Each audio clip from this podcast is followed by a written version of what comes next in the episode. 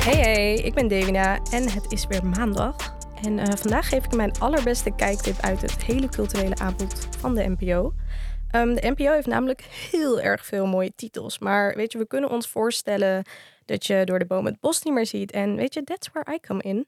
Ehm, ik tip je vandaag iets wat je echt niet mag missen. Namelijk de komische, kleurrijke en biculturele serie vol met girl power. Raki en Peppe.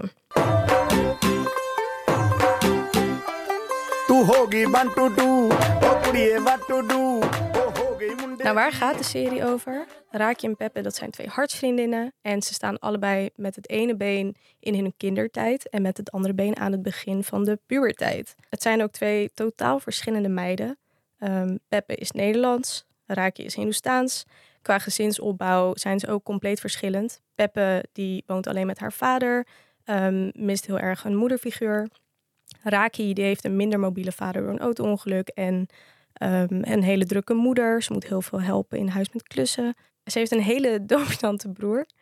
En ze heeft daarnaast ook nog drie zusjes. Dus nou, het is daar hartstikke druk. Echt een typisch Hindoestaans druk gezin. De meiden worden ondertussen overvallen door complexe emoties en hormonale veranderingen. En ja, ze belanden telkens weer in echt een absurd, maar kleurrijk avontuur. En het komt altijd at the end of the day weer goed. En waarom je deze serie echt zou moeten checken is... Ten eerste word je heel erg herinnerd uh, aan je eigen puberteit. Uh, het is altijd leuk om daaraan uh, herinnerd te worden. Het is heel leuk om naar te kijken als je Hindoestaans bent. Nou, ik ben zelf Hindoestaans. Um, trouwens, het is ook leuk als je niet Hindoestaans bent. Laten we dat ook even voorop stellen. Maar Raki is dus Hindoestaans. En um, ja, precies hoe zij haar puberteit meemaakt. Ik, ik, ik, ik had daar gewoon zoveel herkenning in. En ja, daarnaast is ook de representatie gewoon hartstikke tof om te zien. Want ik ga je heel eerlijk zijn, ik ben nu 29. Deze serie had ik echt, nou pak een mee, ik was heel vroeg bij de puberteit. 20 jaar geleden had ik echt deze serie nodig. Gewoon puur om te zien hoe het is om op te groeien met een biculturele achtergrond. Zeker als Hindoestaans meisje. Want ja, naast Prem had je niet heel veel Hindoestanen. Dus vandaar. Ik wil even een fragment met jullie delen. Wat voor mij heel herkenbaar is, maar waar je straks naar gaat luisteren is uh, een fragment waarin er een TikTok-dansje wordt geoefend op een heel iconisch Bollywood-nummer. Luister maar.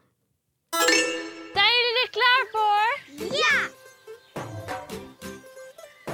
In 3, 2, 1 en actie!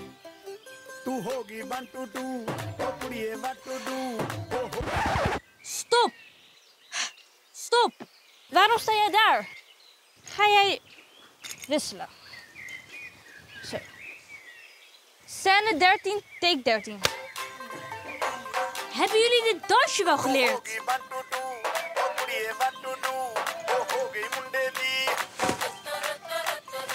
Scène 13, take 61.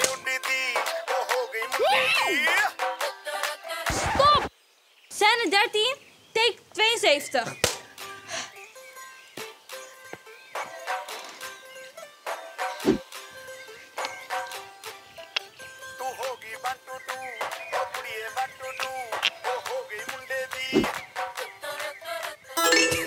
Ik zat hier ondertussen gewoon te dansen. Het is een heel iconisch weddingnummer. Het is een Bollywood nummer, maar dit lied hoor je echt op elke bruiloft. Um, dit is echt heel herkenbaar. Kijk, het is nu helemaal uh, gemoderniseerd naar de TikTok-generatie. Maar um, nou, waar, waar, dansjes heel populair zijn. Maar vroeger um, heb ik ook gedanst met mijn nichtjes op al uw feesten, partijen en verjaardagen.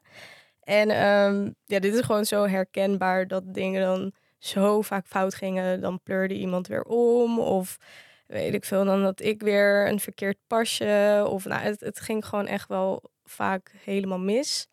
Wat ik al net zei van die representatie. Het is heel vet om ook uh, muziek waar jij mee opgroeit. Dat jij dat dus ook weer uh, terug hoort of terugziet. Of gewoon ja, dat soort culturele dingetjes in een serie. Dus dat is de reden waarom ik gewoon helemaal fan ben van deze serie.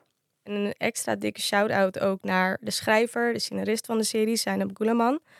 Uh, zij heeft naar mijn mening echt al geschiedenis geschreven met... Um, voor de, ja, zij zorgt gewoon voor heel veel representatie, uh, aangezien zij zelf ook Hindoestaans is. Um, ook moslim. Dus zij schrijft ook echt dingen die er leven in de Nederlandse maatschappij. Nou, de serie is te zien via NPO Start en via YouTube. Uh, je tikt gewoon Raki en Peppe in. Dat is Raki, R-A-K-H-I. En Peppe, P-E-P-P-E. -E. Um, ja, en dan uh, moet je het eigenlijk vanzelf vinden. Trouwens, het is ook nog eens een jeugdserie, maar hè, het maakt niet uit. Het kind komt echt in je naar boven wanneer deze serie kijkt. Nou, we zijn hiermee aan het einde gekomen van deze korte aflevering van Tussen Kunst en Katers. Um, en het maakt deel uit van het platform NPO Cultuur en het wordt mede mogelijk gemaakt door Omroep NTR.